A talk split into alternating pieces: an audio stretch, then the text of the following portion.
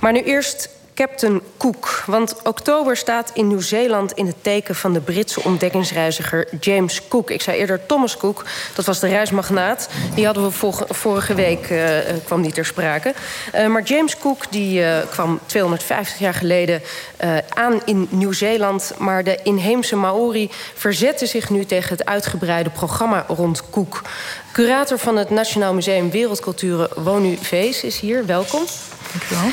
Um, allereerst kun je ons helpen met de context. Wie was Captain Cook ook alweer? Um, ja, zoals u al eerder zei, uh, James Cook was een Britse zeevaarder en ook een cartograaf. En hij is vooral bekend geworden omwille van zijn drie grote ontdekkingsreizen die tussen 1769 en 1780 uh, plaatsvonden. Um, hij zelf, James Cook, kwam eigenlijk uit een arm boerengezin. En Eigenlijk was hij helemaal niet voorbestemd om de zee op te gaan. Maar toch was hij heel erg aangetrokken door de zee. En uh, ging hij eerst uh, werken bij scheepseigenaren toen hij 14 jaar oud was. Toen later is hij op uh, eh, 27-jarige leeftijd is hij eigenlijk vrij onverwachts bij de Royal Navy gegaan. En daar heeft hij naam gemaakt door zijn hele goede vaardigheden in het maken van kaarten. En ook heeft hij navigatievaardigheden geleerd. En zo werd hij eigenlijk de persoon bij uitstek om uiteindelijk uh, de zee op te gaan en die uh, reizen te ondernemen. En, en kun je die reizen kort beschrijven?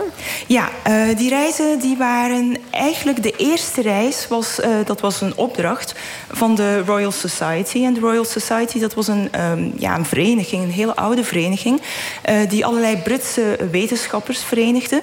En zij hadden als doel om dus de wetenschap vooruit te helpen. En een van de de plannen die ze hadden was eigenlijk de overgang van uh, Venus te observeren. En dat hadden ze nodig in die tijd om de afstand, de precieze afstand van de aarde naar de zon te kunnen berekenen. En daarmee ook de, het gehele zonnestelsel, de grootte van het zonnestelsel te kunnen berekenen. En ze hadden dus bedacht dat ze um, die berekeningen nodig hadden, maar vanuit verschillende uh, punten. Uh, de eerste keer dat er een, uh, een over, Venusovergang geweest was, dat was in 1761. En de volgende kans die ze hadden was in 1769. Um, en dan zou, zou, het meer dan 100 jaar duren voor ze weer een kans kregen. Dus die kans moesten ze pakken, vonden ze. En uh, dus waren ze op zoek naar iemand die eigenlijk heel goed in staat was om uh, naar het zuidelijk halfrond uh, te navigeren en daar een observatie te doen. Maar ook met wel degelijk het doel om te kijken of het misschien ook interessant was om het te koloniseren? dat was eigenlijk niet het eerste, het eerste doel. Het eerste doel was echt het observeren van de Venusovergang om die wetenschap, eh, de wetenschap eigenlijk vooruit te helpen. En een tweede doel, en dat was een beetje een, een ja, meer geheim doel, dat was op zoek gaan naar het Zuidland, het onbekende Zuidland, Terra Australis Incognita. Mm En uh, er was een, een, geloof, al sinds de uh, Griekse oudheid eigenlijk, dat uh, de wereld in evenwicht gehouden moest worden door een soort Zuidland, waar dan allerlei ja, ook gekke mensen leefden, die liepen op hun handen of die hadden één oog. Of, er gingen allerlei verhalen, uh, deden de ronde. Uh, maar dus dat, wa dat waren die twee dingen. Dus de Venusovergang en ook het onbekende Zuidland uh, ontdekken. Maar het, hij komt dan bij een eilandje.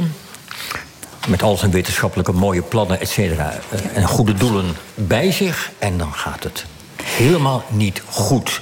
Er gaat iets erg mis. Wat ging er mis tussen hem en de inheemsen? Uh, het ging niet onmiddellijk allemaal mis. Uh, er waren ook heel veel contacten eigenlijk tussen de uh, plaatselijke bevolking.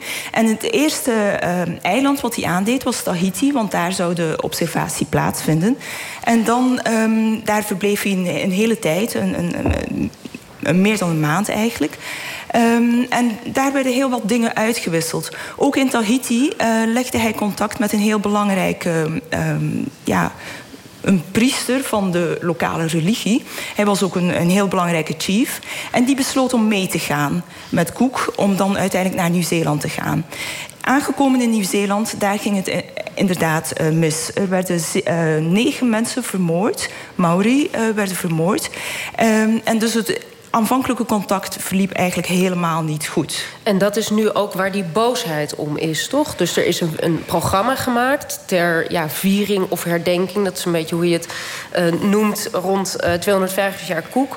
En, en die boosheid richt zich vooral op dat eerste die eerste ontmoeting? Uh, de boosheid richt zich inderdaad op de eerste ontmoeting, maar richt zich ook veel breder. Uh, richt zich op het feit dat uh, James Cook, vooral in het Westen en vooral bij de Britten dan, eigenlijk helemaal verheerlijkt werd en nog steeds wordt als een grote held die allerlei ontdekkingen gedaan heeft. Die um, ook zijn heldenstatus is ook nog eens groter geworden door de manier waarop hij gestorven is, want hij is in Hawaii um, vermoord. Um, en dus dat heeft ervoor gezorgd dat hij echt als een, als een, een enorme held uh, gezien werd. En daar richt de boosheid zich dus ook op. Omdat um, vanuit een Brits perspectief... en ook vaak vanuit een, een settler uh, perspectief... dus de mensen die dan achteraf uh, in Nieuw-Zeeland gekomen zijn... Um, die zeggen vaak dat, dat James Cook Nieuw-Zeeland heeft ontdekt. En natuurlijk de Maori zeggen van dat, is, dat klopt helemaal niet hun voorouders hebben natuurlijk Nieuw-Zeeland ontdekt. Um, en zij zijn eigenlijk de, de, de, bewakers van het land. En door de komst van uh, James Cook zijn er dus niet alleen ja, zijn die mensen vermoord, maar er is ook een heel uh, systeem op gang gebracht. Het systeem van kolonisatie en ook van uh, commerciële uitbuiting. Ja, en daar gaat de boosheid ook over. Ze, ze zijn ook boos omdat is het nog handig van degene die dit feestje organiseren, die herdenking, om dat schip gaan, te gaan nabouwen en dan weer terug te gaan met hetzelfde schip van toen, is dat niet, is dat niet gewoon onhandig? Is, is dat ook een deel van de boosheid? Ja, maar dat moet je toch gewoon niet doen? Dat is koloniale zelffelicitatie, niet doen. Ja, uh, over het feit dat het schip dus uh, nagebouwd... dat schip is al jaren eigenlijk aan het rondvaren... en gaat, doet allerlei havens aan... Um, dat het schip uh, ja, nagebouwd is, dat kan inderdaad als onhandig beschouwd worden. Maar aan de andere, de andere kant van het verhaal, wat ook vaak niet zo heel duidelijk naar voren komt, is dat um, er ook heel veel pogingen gedaan zijn. De voorbije 30 jaar zijn heel veel pogingen ondernomen om een andere kant van het verhaal ook te laten zien. En die pogingen zijn niet alleen door uh, westerse wetenschappers, maar ook heel zeker door kunstenaars, door politici, door uh, wetenschappers uit uit de Pacific zelf, die ook uh, laten zien hoe, um, welke rol de plaatselijke bevolking ook gespeeld hebben in deze contacten. En een uh, voorbeeld daarvan is dat er nu tijdens dit hele programma uh, dat er ook um, uitwisselingen plaatsvinden waarbij objecten bijvoorbeeld uit Britse musea naar Nieuw-Zeeland gebracht zijn, zodat de lokale bevolking die in contact kan komen met deze objecten. Want voor Maori zijn objecten niet zomaar objecten, maar zijn echt uh, een manier om in contact te komen, direct contact te komen met de voorouders. Want ze zijn een soort fysieke ja, manifestatie. Maar dit klinkt allemaal heel mooi, maar eigenlijk zeg je met, als je het een beetje onaardig wilt zeggen, mm. je hebt spullen ooit geroofd als Westen en nu ga je met die spulletjes terug en zeg je, kijken jullie maar weer eens lekker naar jullie eigen spulletjes. Kun je je die woede voorstellen? Want ik meen ook ergens te lezen dat er bijvoorbeeld dorpen zijn aan, aan de kust waar zeggen: we willen dit schip hier niet, het mag zich hier niet aanmeren. Kun je dat voorstellen? Nee, ik kan me die woede zeker voorstellen, maar het is ook een misvatting dat alles geroofd is. Uh, dat is echt, uh, er zijn heel veel uitwisselingen geweest. Er zijn, heel veel, er zijn een aantal dingen geroofd, inderdaad. Uh, maar dat is niet het complete verhaal. En ik denk dat dat ook, zeker ook vanuit Maori-kant, wordt dat verhaal ook wel verteld. Als je kijkt naar bijvoorbeeld Maori Television, komt dat zeker ook aan bod. Maar dat die woede er is, dat is zeker zeker zo. En ik denk dat het ook heel belangrijk is dat die woede uh, een plek uh, kan krijgen en geuit kan worden. Want het laat zien dat er een nood uh, is om een genuanceerd verhaal te vertellen. En dat dus alleen het verhaal van een soort verheerlijking van Koek niet het volledige verhaal is. Dat er ook andere aspecten aan kleven. Want nu heeft de Britse ambassadeur Nieuw-Zeeland wel voor het eerst namens de Britse regering excuses aangeboden. Is dat een belangrijke mijlpaal? ja, de ambassadeur heeft eigenlijk zijn meer ze heeft meer spijt betuigd. Ehm, en dat is natuurlijk een heel belangrijk aspect. Is dat een belangrijk verschil, spijt betuigen of excuses aanbieden? ik denk dat dat wel een, een belangrijk verschil is.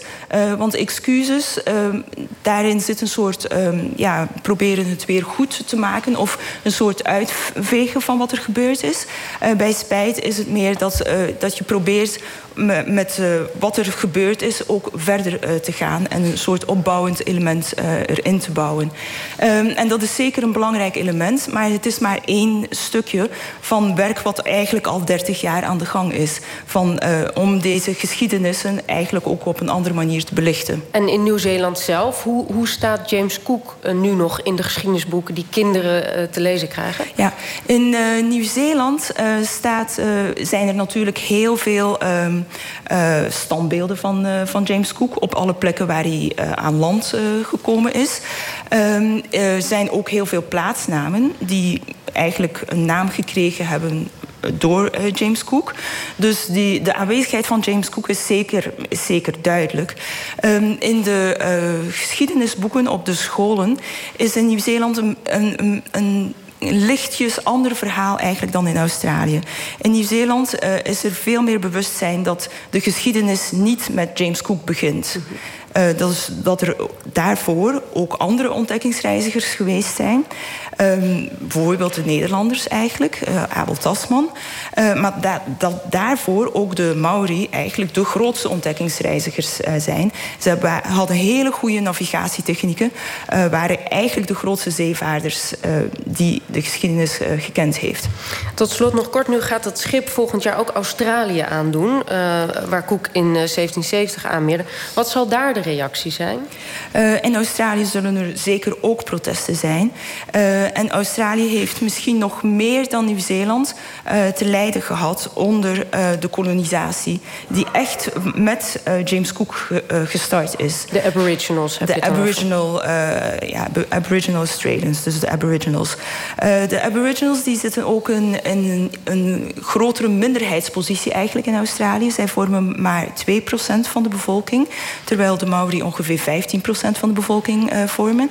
Um, en dus zullen zij echt ook heel duidelijk uh, te kennen geven dat uh, James Cook, dat met James Cook de geschiedenis niet begint. Dat Aboriginals al heel lang in Australië zijn, zo'n 70.000 jaar. En dat zullen ze ook wel duidelijk maken. Goed, nou kijken of het programma wordt aangepast. De discussie is in ieder geval losgebarsten. Hartelijk dank, Boniface, curator van Nationaal Museum voor Wereldcultuur.